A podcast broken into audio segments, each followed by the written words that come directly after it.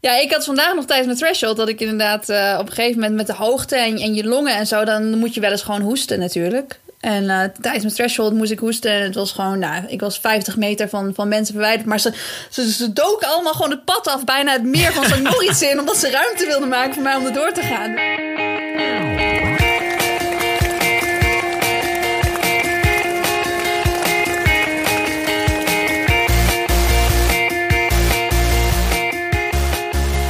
Welkom bij de 31ste aflevering van Suzy Q&A, de podcast over hardlopen, training en wedstrijden. Ik ben Olivier Heimel, hoofdredacteur van Runners World. En aan de lijn heb ik Susan Crummins, wereldburger en topatleet en marathonloper en uh, basisschoolleraar. Heel goed. Zeg ik het zo goed?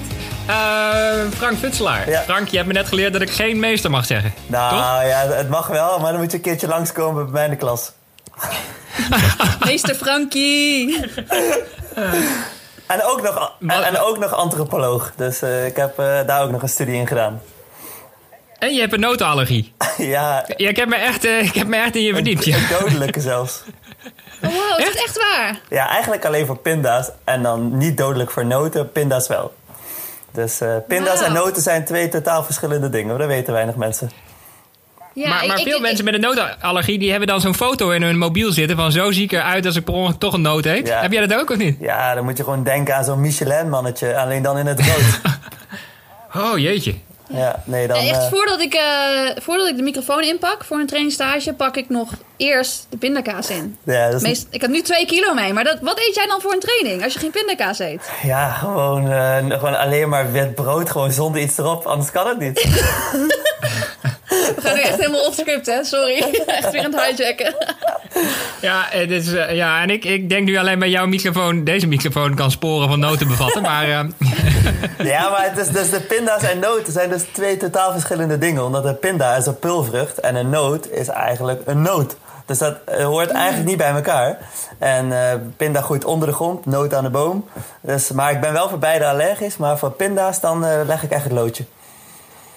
Wauw. Oh jeetje. Ja, ik wou dat mensen ook het gezicht van Suzanne hierbij kunnen zien. Ja, nee, maar ik, ik, vind het... Ja, ik zou een leven zonder pindakaas. Dus ja, dat zou ik me niet kunnen voorstellen. Maar je kunt wel dan dus amandelpasta, zo, dat kan dan wel. Nee, want dat zijn ook noten. Dus daar krijg ik wel jeuk van in mijn mond. En misselijk en kot, enfin, ja, misschien kotsen.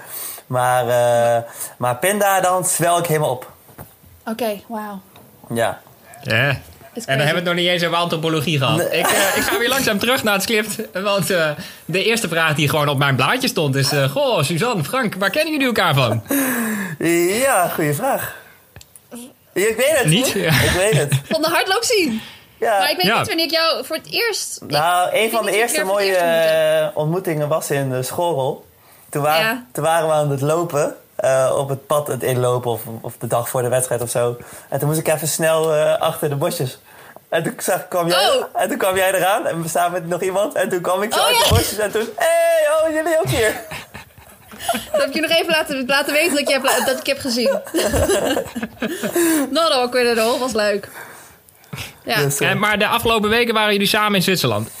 Ja, zeker elke dag samen gegeten. nee. ja, we waren met een hele grote groep daar. Dus uh, ja, we hebben regelmatig samen getraind. Was, uh, was hartstikke leuk. Ja, want uh, dan ging ik dus een duurloopje doen.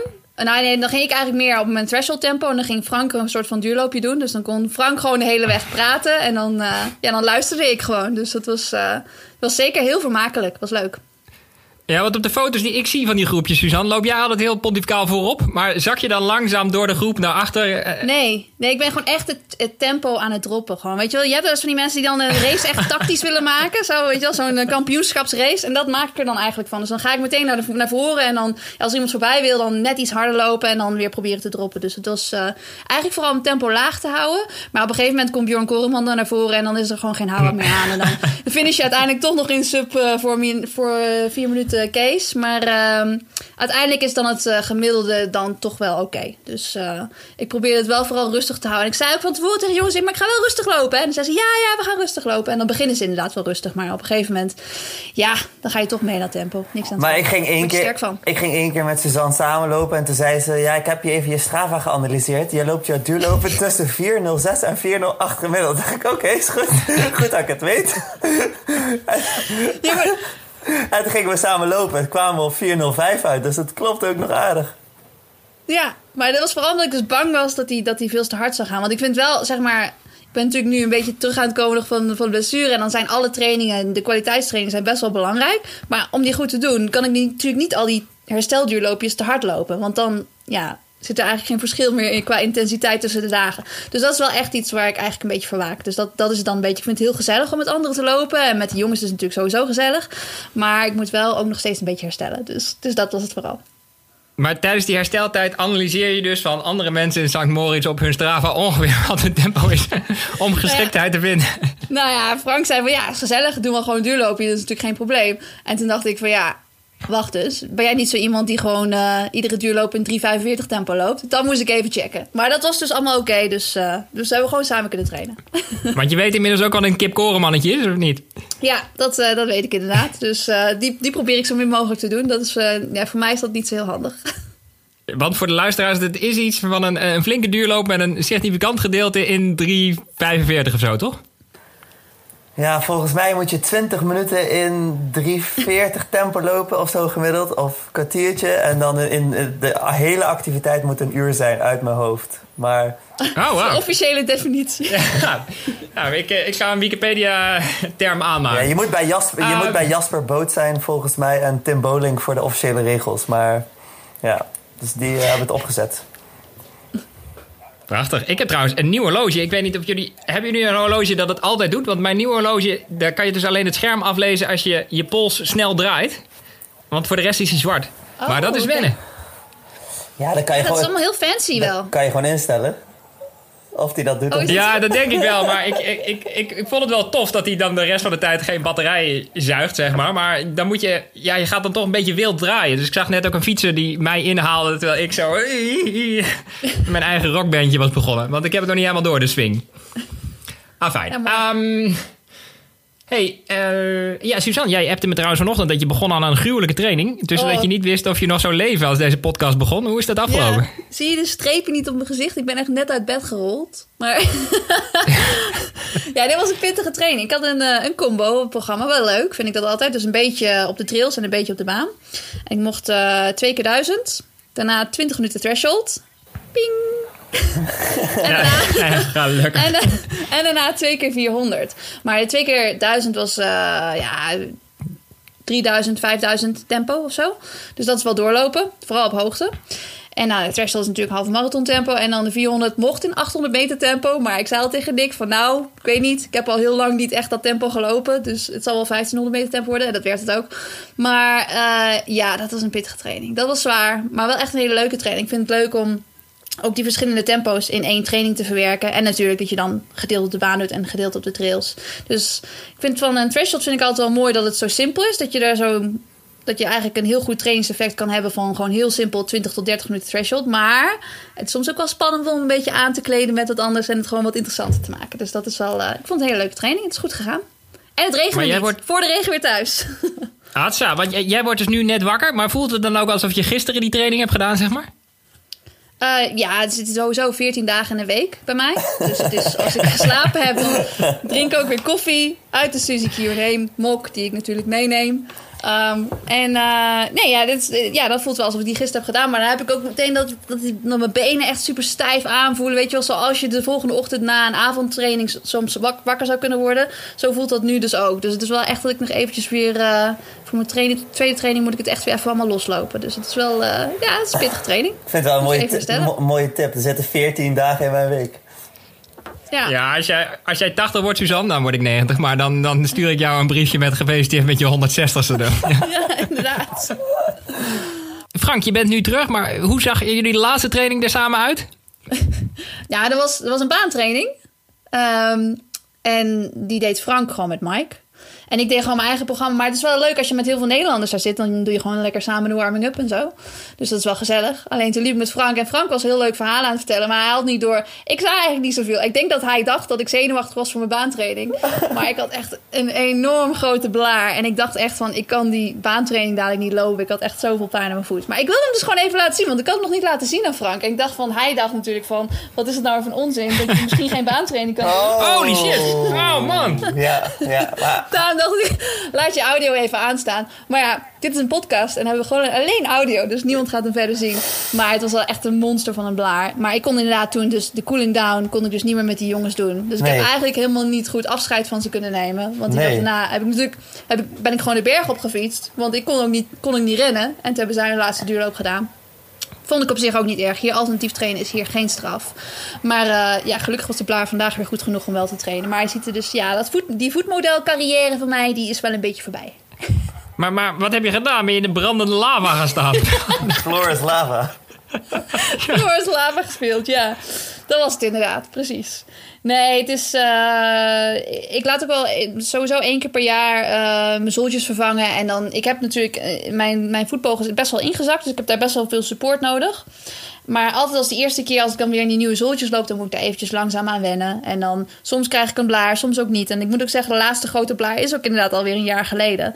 Ehm, dus meestal wissel ik dan de oude en nieuwe zooltjes een beetje af. Alleen nu ben ik wel in één keer weer na die blessure wel weer ja, mijn kilometers heel snel gaan uitbouwen. En dan weet ik wel dat er op een gegeven moment wel iets zal komen. En dan, dat is dus nu. En dan is daarnaast die huid gewoon iets dikker. En dan is het gewoon overaan gewend. En dan is er ook geen probleem meer.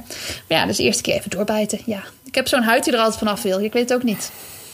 Maar hij herstelt wel goed, want hij zag al wel weer eh, redelijk goed eruit. Ja, ik herstel het super snel. Dus dat is wel eh, echt een eh, voordeeltje. Maar je bent een soort rups die je gewoon in één keer je haar helemaal Precies, vervelt. ik ben echt een rups. Ik ben gewoon allerlei dieren. Ik ben een zwaan, ik ben een rups, ik ben een haas. Ja, Gewoon hele dierrijk. geweldig. Jullie hebben nog iets eh, gemeen. Namelijk, jullie komen 4 oktober allebei in actie bij de Londen Marathon. Ja, zeker, Ja. zeker weten. Ja. Eh, Suzanne, jij haast en eh, Frank, jij hield. Nou, ik bedoel, jij, jij loopt hem helemaal. als, het, als het goed is. Heel. Ehm, eerst jij, Suzanne. Hoe, hoe, hoe ver eh, is de bedoeling? Ehm, nou, het is sowieso tot halverwege. Maar ik, ik mag natuurlijk doorlopen. Ik mag ook tot de finish doorlopen, maar dat gaat natuurlijk niet gebeuren. Oeh. Maar eh, ja, ik kreeg gewoon op een gegeven moment een vraag. En ik, ik word eigenlijk bijna ieder jaar word ik wel gevraagd om daar te hazen. Alleen heel vaak, ja, eigenlijk altijd, zit ik natuurlijk op hoogte in Flagstaff dan. Dus dat komt dan niet zo goed uit. En dus ik heb het altijd al een keertje willen doen en nu kwam het toevallig uit. Dus ehm, ja, ze vroegen of ik eh, tot halverwege kan hazen. En, en ik vroeg gewoon aan mij van, eh, denk je dat je op eh 4 oktober in eh 2.23 tempo half, tot halverwege zou kunnen lopen?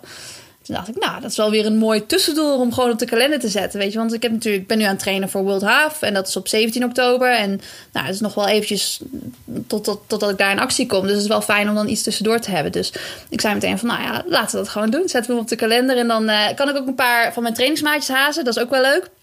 Uh, Sinead Diver en eh, Ellie Pashley, die lopen ook in die groep mee. Dus uh, nou ja, ik heb daar natuurlijk ook heel veel training mee gedaan vorig jaar bijvoorbeeld. Dus het is wel leuk om een keertje nou ja, echt bij de wedstrijd te zijn. Want ieder jaar zijn zij hard aan het trainen voor Londen. En dan moet ik het een beetje op een stream kijken. En nu kan ik er gewoon zelf bij lopen. Dus ik vind het wel leuk. Ja, even voor de luisteraars. Het zijn uh, bijna 20 rondjes door St. James Park. Het is eigenlijk wat Elliot Kipchoge vorig jaar deed, zeg maar, ja. zonder recreante rondjes door een park lopen. Ja. Maar nu heeft hij uh, Bekelen en uh, Frank Futselaar nog achter zich aan. Zeg maar. ja, ze zeiden zelfs over dit uh, parcours dat het, dit was een van die opties die ze eigenlijk voor, voor Breaking 2 wilden gebruiken. Dus ze hebben hier echt serieus naar deze optie gekeken.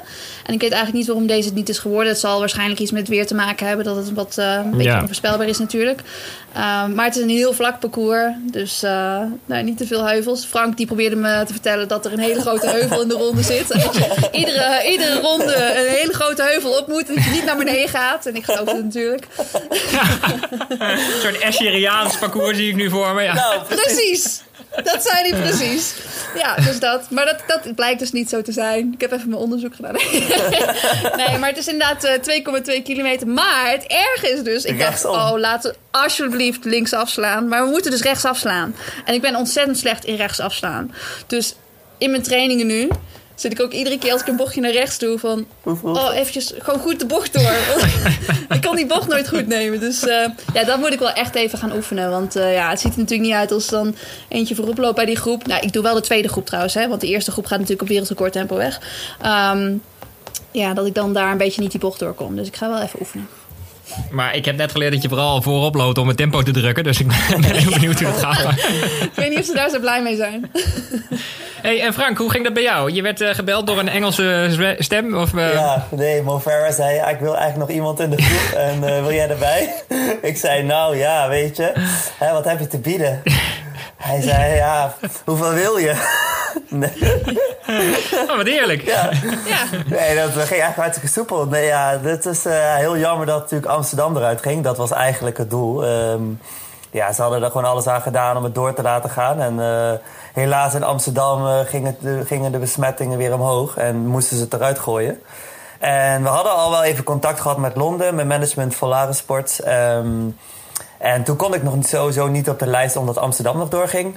Maar toen Amsterdam eruit ging, toen hebben we meteen gebeld of ik nog erbij kon. En toen moest de uh, aanvraag moest officieel via de Atletiekunie gaan. Dus heeft Ad Roskamp meteen een mail gestuurd. En toen kreeg ik zondagavond bericht uh, dat ik nog net toegevoegd kon worden aan het veld. Dus ja, dat was wel uh, heel mooi nieuws om half twaalf s avonds op zondagavond. Oh, je, je was ook nog wakker. Ja, ik wilde eigenlijk net gaan slapen en ik keek op mijn telefoon. Niet meer geslapen natuurlijk. Ja, en toen dus ik belde gelijk een vriendin. Ik dacht van, en zij, ja, zij was bijna nog blij. En dan denk ik zo, wauw, je mag meedoen, super vet. Maar uh, ik zei, ja, ik wil wel gaan slapen nu, want ik ben moe. Ja, je moet je vader bellen en uh, je coach. En, uh, en uh, dus uh, dat was wel een heel mooi bericht. En uh, ja, nu, nu moeten we ons voor gaan, gaan voorbereiden op heel veel rondjes rechtsaf. Dus dat wordt wel echt een uitdaging. En is het nog ingewikkeld? Moet je nog allerlei coronatesten doorstaan en zo? Ja, of? Heel, een hele hoop. Uh, moet volgens mij vier dagen voordat we gaan... moeten we een test, negatieve test inleveren. En dan moeten we op donderdag aankomen. Dan doen we meteen weer een test daar. En dan komen we dus in een bubbel in een hotel... waarbij dus niemand meer eruit mag. En uh, ja, je volledig soort van beveiligd bent in die bubbel... tegen besmettingen van buitenaf.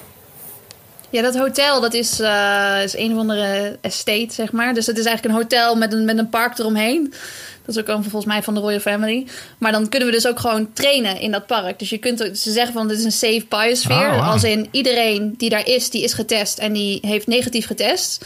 Dus eigenlijk kom je niet echt in uh, Engeland. Je komt, je komt in zo'n bubbel terecht, zeg maar. Dus, en je mag daar ook niet uit. Dus sommige Australische atleten bijvoorbeeld, die komen daar op maandag aan. En die moeten dus ook echt gewoon op het terrein van het hotel blijven. En daar blijven trainen. Maar gelukkig is daar best wel veel ruimte. Maar ze hebben dat wel heel slim uh, neergezet, vind ik. Dus het is, uh, ja, wat dat betreft is het wel nou ja, de veiligste manier om dat zo te doen. Ja, ja, ja, ja. Maar je hoopt natuurlijk wel dat het allemaal goed gaat met dat je niet vier dagen van tevoren net besmet blijkt, toch? Want je hoeft het helemaal niet te voelen. Nee, inderdaad. Ja, dat ja dan, dan mag je dus gewoon niet gaan. Ja, dus dat is gewoon, je moet gewoon heel voorzichtig zijn. Ik word er al een beetje nerveus, want ik weet niet hoe het bij, jou, bij jullie is. Maar als atleet heb ik zeg maar een loopneus ongeveer van september tot maart. Gewoon standaard ieder jaar. En nu als ik een restaurant binnenkom, moet ik zeggen... Ben je verkouden geweest of zo? Ja, op een gegeven moment ga je natuurlijk toch verkouden worden. Even los van corona en zo. Ja. Dan kan je op een gegeven moment niks meer. Het is echt lastig. Ja, de, de gewone ziektes gaan ook gewoon door. Die zijn niet, aan, die ja. zijn niet gestopt of zo. Nee, maar ja, om dat nou uit te leggen van... Ja, maar luister, ik ben altijd verkouden. Ja, ja dan, ik kan altijd nog zeggen van... Ja, ik heb net een pinda gegeten, dus ja, sorry. ja. Ja, ik had vandaag nog tijdens mijn threshold dat ik inderdaad uh, op een gegeven moment met de hoogte en, en je longen en zo, dan moet je wel eens gewoon hoesten natuurlijk.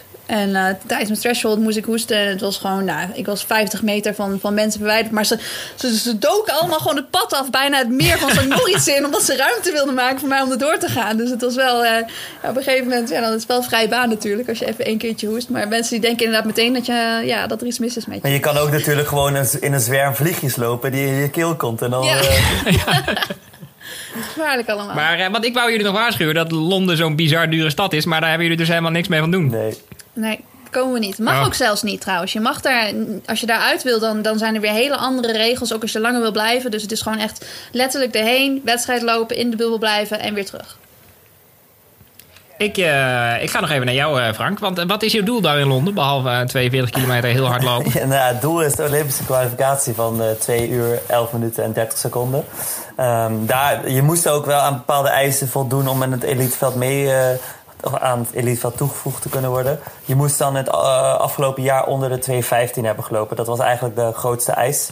En ze wilden dit ook echt een wedstrijd maken die dan heel internationaal is om mensen een kans te geven voor die Olympische limiet. Want eerst was die Olympische limiet verschoven tot en met 1 december, dat je hem dan vanaf pas 1 december kon lopen.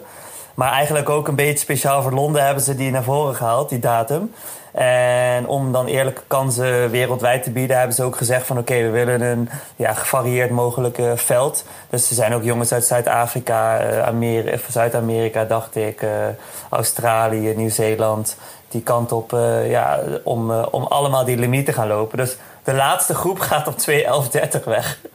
dus als je eruit valt... Wow. Dus als je, dus ben je gewoon alleen. Als je eruit valt, dan... Dan kom je mij tegen. ja. Want ik, ik zit even te rekenen. Als het 20 rondjes zijn, dan kan je de Olympische limiet lopen en toch op een ronde gezet worden door uh, Elliot Kipchoge. Ja, we hebben al een beetje uitgerekend dat. Uh, een, half, kijk, als je voor halverwege wordt ingehaald, dan weet je dat je iets harder moet. maar als je, als je. Maar mag je mee dan? Of, of moet je dan ook weer anderhalf meter afstand houden? Zo, dat is een goeie. ja, het zou wel heel. Ik zal. Een paar gasten hebben wel gezegd: ah, Frank, als uh, Elliot langskomt, gewoon even een kilometer aanhaken. ja. Ja, lekker wisseltempo. Ik wil dat dat handig is. maar er was ooit wel gedoe, toch? Bij een 10 kilometer. Dat, uh, dat iemand zijn teamgenoot uh, ging hem helpen nadat hij op een ronde was gezet. En het was een beetje onduidelijk of dat dan Oh. mocht. Ja, officieel mag dat. Je mag inderdaad niet nadat je al gelet bent, dan weer uh, als haas fungeren. Maar dat zal de jury dan. Uh, maar ik denk niet dat Elliot Kipchoge en de Kenenisa en Bekele dan even hun tempo gaan droppen. En, Met Frank te lopen. En dan. uh, come on, guys, assist me. Nee. um, Uh, ik nog even terug naar jouw basisschoolleraarschap. Ja. Want ik, ik las ook zomaar in mijn uh, intensieve onderzoek... dat je in 2014 bent uitgeroepen tot de fitste docent van Gelderland. Ja. Twee... En dat was ook het eerste jaar dat je ging hardlopen. Dus op welke basis ben je precies tot fitste docent uh, gekomen? Ja, ze hadden gezegd, rennen vijf kilometer zo hard mogelijk. Nee, nee. uh, nee, dat was wel mooi. Want ik ben uh, twee keer door Jochem van Gelder uitgeroepen tot fitste meester van Gelderland. Dat was een actie van de Gelderse Sportfederatie. En elk jaar moet je dan een aantal oefeningen doen. En de eerste keer moest ik uh, met één kind op mijn rug een aantal squats doen. En op één, op één been zo vaak mogelijk in één minuut een bal hoog houden.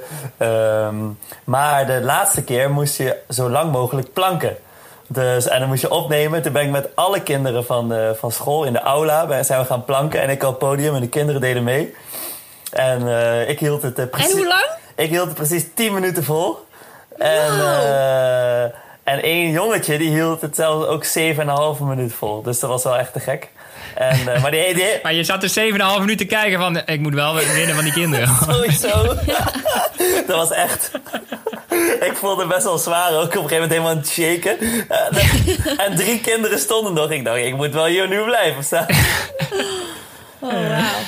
En toen uh, kwam Jochem van Gelder op school en uh, ja, kregen we een grote beker en een heel mooi spelpakket voor de kinderen uh, waarmee ze op het schoolplein konden spelen. Dus ja, dat was wel, was wel heel erg leuk. Dat was op de, Want je was... was op de Troubadour in Elde, in Arnhem, hier een basisschool. Nou, moeten we ook even twee andere scholen noemen. nou, nee. maar, uh, is geen, uh, ik denk niet dat het hier zo werkt als bij de, als de merken. Hey, want daarvoor was je voetballer. En ik, uh, ik hoorde deze week toevallig de Spike podcast met Lisanne de Witte. En die vertelde dat ze honkbalster was. Okay. Maar dat het zo opviel dat ze eigenlijk vooral goed was in van honk tot hond komen. Was jij bij voetbal ook vooral goed in het spel zonder de bal? Zeg maar? Ja, zeker. Ik was altijd goed van box to box, laten we zeggen. Dus van 16 naar 16 op middenveld. ik liep laat me zeggen, altijd iedereen in de weg. En doordat ik dan altijd aan het lopen was, kwam ik ook wel toevallig voor de goal. En dan scoorde ik ook nog vaak. maar het is, het is niet tot een bijna profcarrière geleid. Nou, nog wel eerste klasse niveau op de zaterdag gespeeld. Dus het vierde niveau in Nederland. Oh, wow. Dus uh, dan moesten we wel heel het land door. En dan kwam je, nou, dan kwam je bij uh, amateurverenigingen die een skybox hadden. En een business lounge. En uh, waar, waar, waar, laten we zeggen, atletiekclubben u tegen zeggen. Waar, of een Diamond League zelfs niet aan kan tippen. maar ja, dat is het, het hoogste wat ik gespeeld heb bij AVW 66 in Westervoort. Dus dat was wel heel erg leuk, maar uh, uiteindelijk geen profvoetballer geworden helaas. Nee, en ik heb nog één uh, weetje over je opgediept. Namelijk, er is een SP-Kamerlid dat ook Frank Futselaar heet. Ja, zeker. Is dat niet onwijs verwarrend? Is het niet zo dat jullie voortdurend elkaars tweets ja, krijgen en zo? Ja, nee, dat is echt hilarisch. Want uh, toen ik Nederlands kampioen werd in 2017... toen werd hij een paar keer getagd. En toen had hij heel sportief gereageerd... dat het door zijn goede figuur kwam dat hij Nederlands kampioen was. en, hij is, en hij is een beetje gezet. dus hij, dus hij, hij heeft wel een mooie vorm van zelfspot. En, maar het mooiste verhaal is... Uh, vorig jaar bij de Breda uh, singelloop kwam er een man naar mij toe. Die zegt tegen mij, jij bent Frank Futselaar. Ik zeg, dat klopt. zegt hij, ja, dan ben jij, uh, is mijn collega, hij is jouw naamgenoot. Toen zeg ik, nou, dan moet jij in de Tweede Kamer zitten. En toen zei hij, dat klopt, was de Michiel van Nispen. En, uh, oh ja, van de... en, uh, goeie loper. Ja, goede loper. En toen heb ik mijn startnummer van de singelloop uh, gegeven aan Michiel van Nispen met een berichtje erop voor Frank Futselaar. Beste Frank Futselaar, bij deze startnummer. Uh, omdat we altijd door elkaar worden uh, gehaald op Instagram en op Twitter. Groetjes Frank Futselaar. En toen kreeg ik een foto, en toen kreeg ik een foto terug van Frank Futselaar met een startnummer. Waarbij hij heeft me uitgenodigd om een keer een kop koffie te komen drinken op de Tweede Kamer. Nice. Ah, wat tof. Alleen, alleen, alleen, nice. alleen hij, gaat, hij gaat ermee stoppen, las ik. Dus ik moet voor de nieuwe verkiezingen een keer langs gaan in Den Haag. Oh. Gaat hij, uh, wordt hij uh, hardloper? Ja, nou ja, hij vindt het niks meer. Hij, hij zoekt een carrière switch. Dus uh, hij, ging terug naar het, hij ging zelfs terug naar het onderwijs. En ging les. Oh. hey, kijk, en, het wordt steeds verwarrender. En daar werd ik dus ook weer een paar keer in getagd. Van Frank, ga je weer stoppen? je bent net weg. Ja. ja. Nice. Um, we gaan gewoon naar het eerste segment. Stuur je vragen en ik probeer hem te stellen. Uh, Suzanne, Marijke van Duren vraagt... Jij geeft al wat aan dat je voor de wedstrijd niet echt nerveus bent... maar nu voor het hazen met al die extra verantwoordelijkheid... ben je dan wel nerveus? Ja, daar word ik wel nerveus van. maar maar wel... alleen van die rechte bochten... of ook van zeg maar, alle drankvoorkeuren... van de specifieke favorieten die je moet bedienen? Van, uh... Nee, dat is het niet. Het is meer dat ik... ik het is wel een verantwoordelijkheid. Dat je dus... Je moet het tempo lopen en je moet het ook vlak lopen. Kijk, je kunt een, een, een goede split hebben op de, op de 5 en de 10 kilometer... maar het maakt wel uit hoe je daar terecht komt, zeg maar. Of je echt vlak loopt. Uh, ja, gewoon of, of alles gewoon goed gaat. En ik heb zoiets ik, uh, ik perform eigenlijk wel altijd als er gewoon druk is. Dus dat is, dat is op zich geen probleem. Maar het is nu niet voor mezelf, het is voor anderen. Dus ik, ik heb wel, ja, ik vind het wel spannender dan ik voor mezelf race. Maar tegelijkertijd heb ik ook zoiets van, nou ja, als ik die druk voel, dan gaat het vanzelf goed. Want zo gebeurt het bij mij altijd eigenlijk. Dus als ik gewoon ervoor zorg dat ik in vorm ben, dan, dan moet het geen probleem zijn. Maar het is wel, uh, ja, je moet wat beter opletten natuurlijk. Het is niet dat je een beetje op gevoel kan gaan lopen. En we gaan voor het eerst een hazende zwaan zien. Dat is ook fascinerend. Want is er ook nog een soort uh, financiële vergoeding die zeg maar oploopt bij iedere vijf kilometer die je in het juiste tempo haalt? Of, uh? Uh, nou, ik word gewoon betaald tot halverwege. En als ik verder ga, dan zijn daar bonussen voor. Dus, maar je moet natuurlijk wel gewoon een goede tijd lopen. Dat is het belangrijkste. Oh, want er is ook nog een extra bonus als je verder gaat. Ja, maar het is niet, niet tot de finish of zo. Maar gewoon met, met een bepaald aantal kilometers is er steeds een bonus. Maar uh, ik ga gewoon voor mezelf kijken hoe het gaat. En of ik, uh, hoe het aanvoelt ook. Want ja, ik moet dan dus iets van waarschijnlijk rond de 71 minuten op de halve marathon. En uh, nou hopelijk voelt dat niet heel zwaar aan. Maar het, het, ligt er ook een beetje aan. Zeg maar, als je mentaal een wedstrijd ingaat. En, en al van tevoren tegen jezelf zegt van nou ja het gaat gewoon zwaar worden en uh, het is een wedstrijd. En nou ja, op een gegeven moment dan, dan wordt het gewoon moeilijk en heb je een moeilijk punt. Dan valt het soms wel mee, omdat je dan jezelf al voorbereid hebt. Maar omdat ik nu tot halverwege ga in een wedstrijd waar anderen de dubbele afstand lopen, wil je jezelf al bijna vertellen van ah, dat moet gewoon meevallen. Maar als ik dat heel veel tegen mezelf ga zeggen, dan valt het eigenlijk niet mee. Dus het is wel, um, ja, ik denk dat je er mentaal wel op moet voorbereiden alsof het een wedstrijd is. Heb jij veel gehaast, Frank? Ja, ik heb best wel een aantal keer gehaast in uh, Berlijn marathon, een keer in Ljubljana. En ook een keer uh, in Ens, of een twee keer in Enschede. En toen had ik ook een bonus na 30 kilometer, elke kilometer was volgens mij 50 euro extra. Nice. en toen dacht ik, en toen was ik bij 30 en ik voelde me best wel goed. En ik dacht, oh, nog één kilometer kan wel. Oh, nog één kilometer kan wel. maar toen, ging, toen uh, was het heel warm die dag en het tempo ging toen heel erg naar beneden. Dus heb ik het tot 40 kilometer gehaast. En uh, wow. toen kreeg ik de maximale bonus. en ben je niet gefinished? Ja. Ja, ik ben één keer gefinished. Het was toen in 2 uur 33, dacht ik. Ja, uiteindelijk. En die winnares. Maar één keer was wel heel mooi. Toen uh, uh, kon ik samen met Emanuel uh, Biewot, is de man van mijn manager Hanna, die kon ik samen hazen tot, tot 100 meter voor, voor de finish. En hadden we drie dames afgeleverd in de eindsprint. Toen zijn wij uitgestapt en toen gingen ze de laatste... Uh, sterkte ermee. En gingen ze de laatste ja, 200 meter of zo gingen ze met z'n drieën de eindsprint aan. Dus dat was wel, was wel heel leuk. En nice. hazen is wel echt een dankbare klus hoor. Het is wel heel erg leuk. En als ja. je dan in het juiste tempo zit, dan, dan is het ook wel genieten. Maar je moet wel de hele tijd inderdaad op die klok kijken en je hoopt dat je goede GPS-signaal hebt van oh ja, tempo oh gaat God. goed, tempo gaat goed, tempo gaat goed. Oh my En ben je dan ook een prater? Ben je de hele tijd, je kan het, je kan het, je bent geweldig aan het zeggen? Nou, of, ik heb eh? één keer Paul Zwama eh, gehaast in Berlijn Marathon. En toen hadden we twee of drie dingen afgesproken van die ik zou mogen zeggen. En eh er was, eh, als er een plas was, dan zou ik hem aanwijzen. Eh, ik zou het tempo aangeven. En als er een hele mooie vrouw ergens langs de kant stond, zou ik wijzen. en, toen, en toen kwamen we dus op zo'n rotonde. En die, die rotonde stond helemaal rond, stond de Braziliaanse samba-band. dus toen ben ik die hele rotonde met een wijzende hand zo gelopen op 25 kilometer. Snelste kilometer natuurlijk, of niet? Oh ja, waarschijnlijk wel. En eh, daar, hebben we nog, daar, daar hebben we nog zo hard om gelachen. was wel, was wel mooi. Nice. Ehm, en eh, volgende vraag van eh Wijnand Runs. Voor jullie allebei. Zien jullie korte rondes als voordeel of als nadeel? Jij eerst. Ehm, ik vind het wel een voordeel. Ik hou er wel van eh, een beetje het, het racegevoel, van het circuitachtige gevoel van de Formule 1. Dat, dat- die setting vind ik heel leuk. Dat zie je ook bij eh Krambrun in, in Varsenveld of de Gerard de Broken Memorial.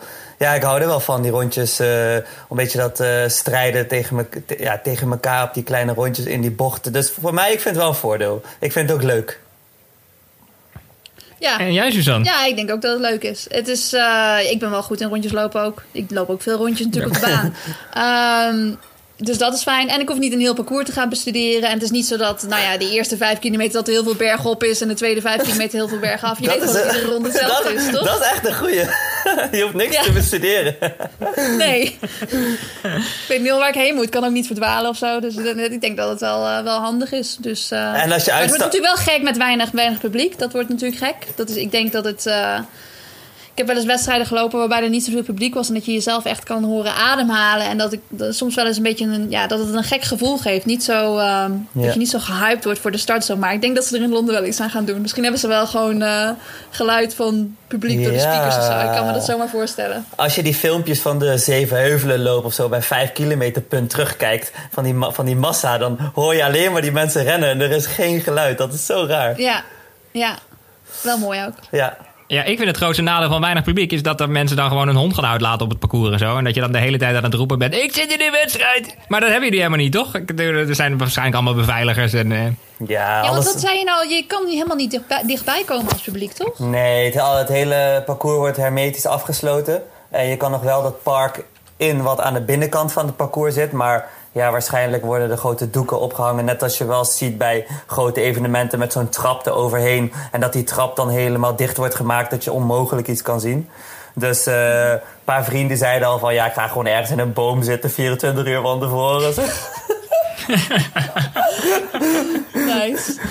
Dus, ehm, maar eh, nee, ja, dat is geen, dit- wat dat betreft wordt het een hele gekke setting. Wordt, eh, wordt, heel, wordt heel bijzonder. Maar misschien, zoals je nu ziet in de voetbalstadions, dat ze wel microfoons of eh, eh, speakers neerzetten en dan geluid eh, of muziek of het publiek nabootsen of zo. Ja. Wie weet. Ja, dat geluid die voetbalstadions vind ik fascinerend. Want dan, dan hebben ze dus allemaal als spreekkoren, doen ze als het ware na. Ja. Maar dat moet natuurlijk enorm stressvol zijn. Want je weet nooit of je een Frans spreekkoor zeg maar uitzendt wat echt heel dubieus is. dat je dat gewoon kaart aan het herhalen bent. Nee, ja, ah, fijn. Ah, eh. Ehm, een vraag van Johan Pluim aan jou, Frank. Hoe eh, ziet je voorbereiding eruit? Ja, hoe ziet het eruit? Gaat goed. Eh, die was in Zwitserland met, eh, met Suzanne onder andere op hoogte in St. Moritz. Ehm, ja, nu is het nog vijf weken tot en met eh, 4 oktober. En eh, ik heb wel hele mooie dingen gepland. Eh, natuurlijk eerst de 5000 meter. eh, Nederlands kampioenschap, die is morgen. En dan over eh, d- drie weken de Nederlands kampioenschap. 10.000 meter in Leiden, die twee dan doe ik er nog. Ehm, maar ik blijf wel hier in, eh, in, eh, in Nederland op C-niveau. En ik ga waarschijnlijk één week in een hoogtekamer trainen. Dat ik die week de trainingen in een, eh, ja, in een hoogtekamer ga doen op een, hoog, op een eh, loopband. Dus, ehm, dus ja, waarschijnlijk nog eh, twee, drie echte lange duurlopen.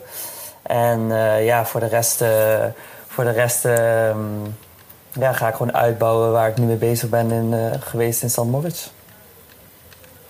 Want heb je iets heel anders gedaan dan andere jaren? Ik hoorde vorig jaar dat je ongeveer hetzelfde deed. Alleen iets meer hoogte toevoegde. Ja, nou ja, bijvoorbeeld eh, vorig jaar deed ik in St. Moritz 4 keer 5 kilometer. En eh, toen liep ik steeds op het gemiddeld tempo van 3.20, 3.18. En nu deed ik eigenlijk 4 keer 15 minuten op tempo van 3.10.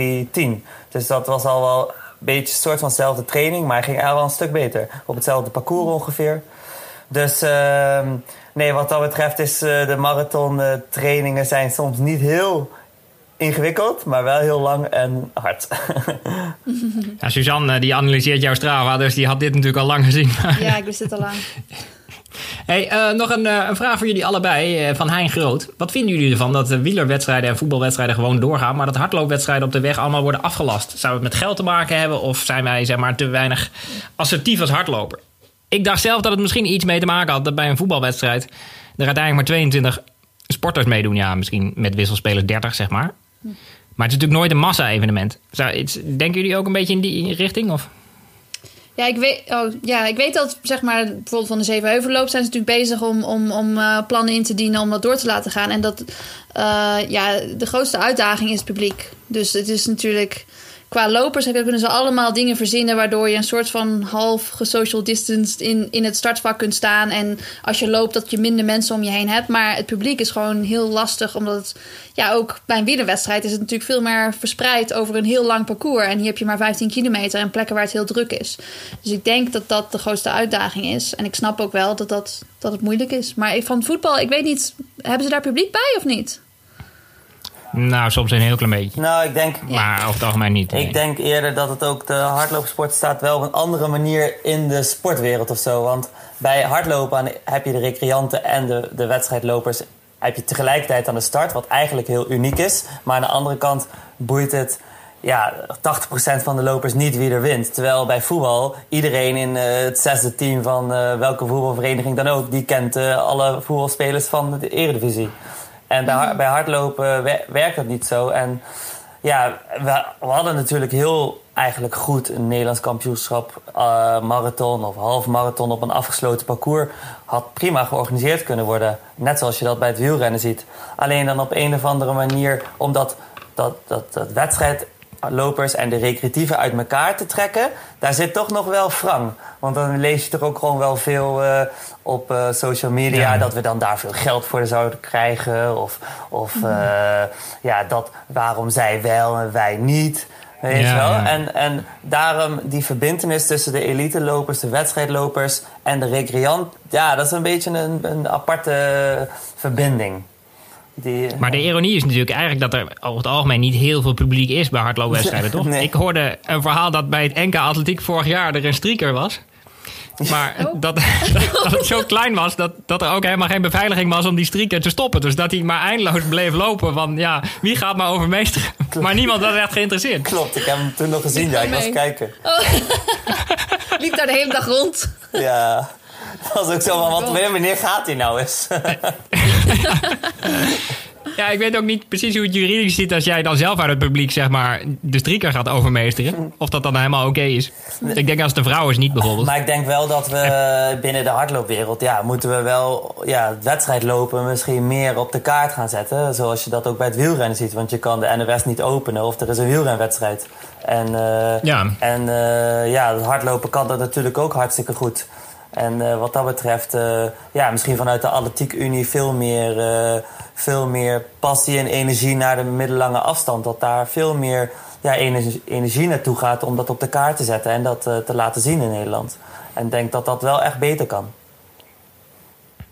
Nou, we, doen ons best met deze Ja, podcast. zeker weten. Om jullie een beetje op een podium te zetten. Eh, Frank, een hele specifieke vraag van Esther van 70. Ehm, welke marathon hoop je samen met Bjorn te gaan lopen?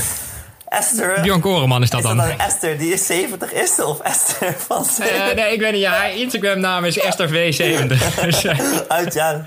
Nee, ja, eh, we hadden natuurlijk gehoopt er wel in het najaar te lopen. Ehm, maar wie weet in het, eh, in het voorjaar. Ja, het zou wel leuk zijn eh, om bijvoorbeeld eh, Tokio heeft nu ook, Ja. heeft nu ook, heeft nu ook announced dat ze een elite marathon gaan doen in februari. En, eh, maar ja, het mooiste zou natuurlijk zijn Sapporo volgend jaar. ja, ja, ja. Ja, wat Tokio, dat is echt nogal nieuws. Die hebben nu eigenlijk alweer bekendgemaakt dat ze denken dat ze geen recreantenmarathon doen. Ja. Dat eh vond ik zelf wel een klap, maar daar hebben jullie iets minder mee van doen natuurlijk. Maar, eh, Ja, ja, maar je weet ook Londen bijvoorbeeld, die gaan volgend jaar dan ook niet in april, maar die gaan volgend jaar ook in het najaar. Hè? Dus dat is, ik denk dat heel veel marathons denken dat het voorjaar nog net iets te vroeg is. Maar, Ja. Tja, maar eh, Sapporo, heb je het daar vaak over met Bjorn? Ehm, nou, niet heel vaak. We, we, dromen er natuurlijk wel van dat het vet zou zijn om daar allebei aan de start te staan. En uh, ja, Bjorn heeft nu 2.17 staan, Eindhoven vorig jaar. Dus ja, als hij, een, uh, als hij uh, een kans kan krijgen om ergens te lopen in het voorjaar. Ja, en hij is anderhalf jaar verder met zijn trainingen en is het goede stap gemaakt. Dan kan hij zeker in de buurt komen. Want in zo'n groepje, als jullie dan trainen in Zwitserland, kijken jullie dan ook voortdurend naar elkaar hoe iedereen ervoor staat? Ik bedoel, jij Oh. moet het morgen weer tegen Mike Voppen opnemen. Dus ik kan me voorstellen dat je toch een beetje kijkt of je hijgt eh, na 10 kilometer. Ja, of dat ik niet 10 meter erachter lig, ja. nee, Heb je ja. je laatste training toch samen gedaan? Ja, we hebben veel samen getraind, zeker. Ook eh, Ja. echt eh, specifieke 5 kilometer training in Italië, op de, in Chiavenna. Nee, ja, je kijkt zeker naar elkaar. Maar uiteindelijk, eh, je, weet ongeveer wel eh, hoe iedereen qua niveau is.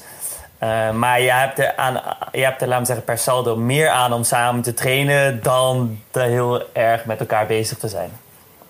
Dus eh, ik haal meer positieve energie en kracht in de training uit samen trainen... dan er mee bezig te zijn van...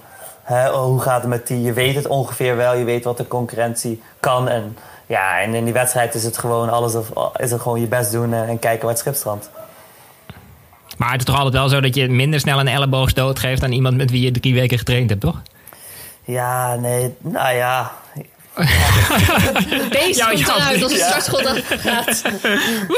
Ja, Nou, pas op. eh, Dat is nee het antwoord, nog hè? één vraag aan jou. eh, Michiel, die zegt vanaf welke kilometer mag het oncomfortabel worden? tijdens de marathon? Ja, Poeh, ja, eh, je bent natuurlijk wel inderdaad op zoek naar het gevoel dat het de eerste 30 heel makkelijk aanvoelt. Maar aan de andere kant weet ik ook van mezelf dat ik er vaak later wat beter in kom. Dus bijvoorbeeld in Amsterdam waren de eerste 5 kilometer niet heel fijn eigenlijk. Maar daarna, vorig jaar bij de marathon, maar daarna kwam ik heel goed in. Eh, maar zeker vanaf, eh, ja, vanaf eh, 35 mag het echt wel pijn gaan doen hoor. Zeker weten.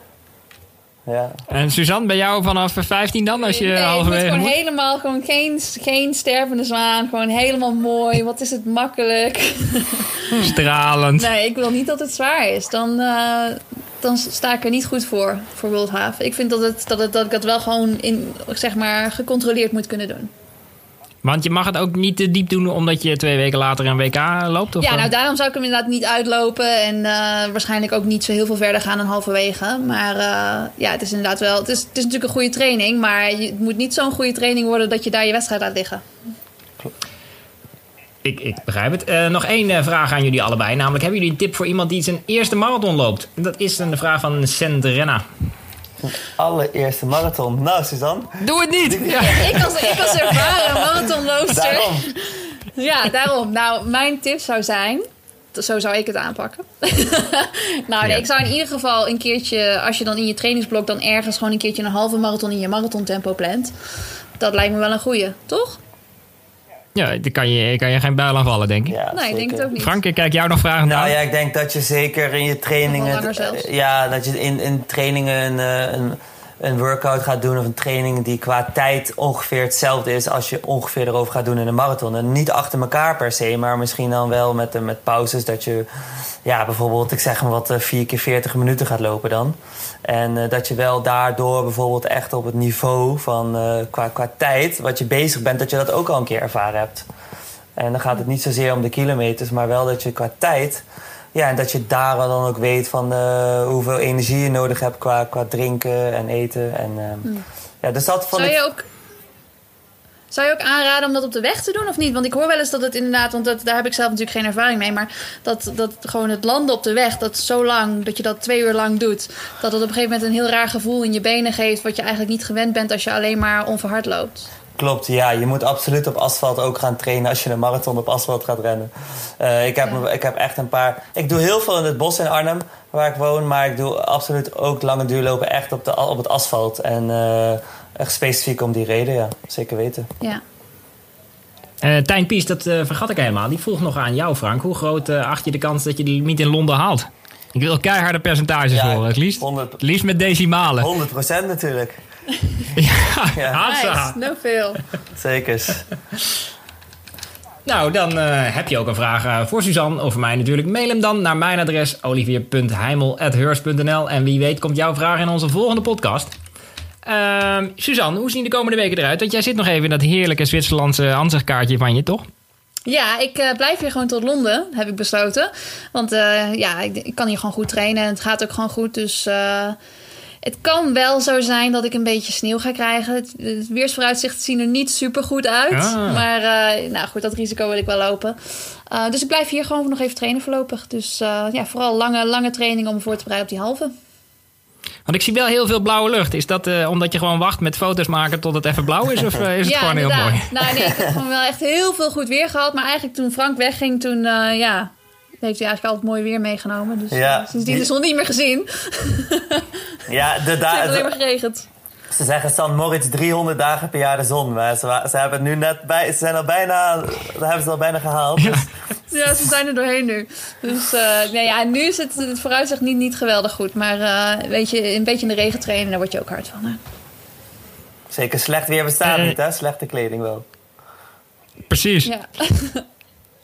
Ehm, ja, Frank, jij gaat een 5 kilometer lopen. Ja, zeker. En dan ehm, deed je ook nog een 10. Ja, een tien. En dan ehm, ga je Engels oefenen. Ja, zeker. Dat moet ik even op cursus. Je Ja. achternaam in het Engels? Hoe, hoe Ja. zou de com- commentator het zeggen? Eh, in, toen ik in Amerika woonde, zeiden ze nog wel eens fruit salad. Vond ik ook wel. Prachtig. Prachtig. Fruit salad. Frank fruit salad. Die gaan we Dus eh, ja, die vind ik eigenlijk wel leuk. Ja, dus eh, maar voedselaar zegt ze wel eens. Of, ja, ze vinden het moeilijk. Ze vinden het echt moeilijk. Dus ehm, ik heb van alles al eh, voorbij, zien- voorbij horen komen. Maar eh, ik ben heel benieuwd. Vooral met het eh, mooie Engels accent van de BBC ben ik benieuwd hoe ze het gaan uitspreken. Ja, de laatste keer dat ik in Londen was, ging ik weer bij een Chinees restaurant eten. En toen kwam de mevrouw aan de tafel. Toen zei ze, are you finished? toen zei ik, no, no, I- we're Dutch. No. Ja, vrij ernstig. Ehm, Suzanne, ja, hoe spraken ze kuik eigenlijk uit? Oh my god. Ze, hebben een keertje, hebben ze, ze noemden me een keertje Chicken? kajurken. Oh. Kajurken. Maar het was tijdens de wedstrijd. En toen moest ik gewoon tijdens de wedstrijd lachen. Ja, het ging ook niet zo hard. het is een beetje een tactische wedstrijd. En toen moest het, Susan moest het hele team weer lachen dat ik moest lachen natuurlijk. Maar eh, ja, dat was wel het ergste, kajurken. Eh, ja, wat dat betreft vinden ze Crimmins vinden ze echt een stuk makkelijker. Maar eh, ja, en Kujikun, Kujikun. Ja, ze wilden gewoon heel graag die, die, die J wilden ze gewoon heel graag uitspreken. En ik zei van, doe nou gewoon net of die er niet staat. Maar dat, dat kon dus niet. Dus eh, Want als jij jezelf voorstelde, dan zei je koiken of zoiets. Of zei je Ja, kuiken? Ja, ja, ik weet het ook nooit. Ik zeg dan ook aan from ik altijd. U-Track, maar... Suzy K. Ah, nice. Toen, toen, ik heb ik bekend. Toen ik een keer met eh, Turkish Airlines naar een trainingskamp vloog, toen, eh, vroeg, toen moest ik dus zeggen dat ik allergisch was voor pinda's. Dus ik zei tegen, die, tegen het cabinepersoneel, ja, I'm allergic for peanuts. Maar ze verstonden het niet helemaal, dus ze zeiden van, you allergic for penis? Oh my god. Hebben ze dat omgeroepen ook? en toen zei ik, yes, I'm allergic for that too. Nice. Eh, nou, zo eh, zijn we helaas aan het einde gekomen van deze 41e aflevering van Suzy Q&A. Dank Volkert, onze technicus van Dag en Nacht Media. Dank Frank en Suzanne en dank u beste luisteraar. Ook namens Suzanne blijven luisteren en lopen.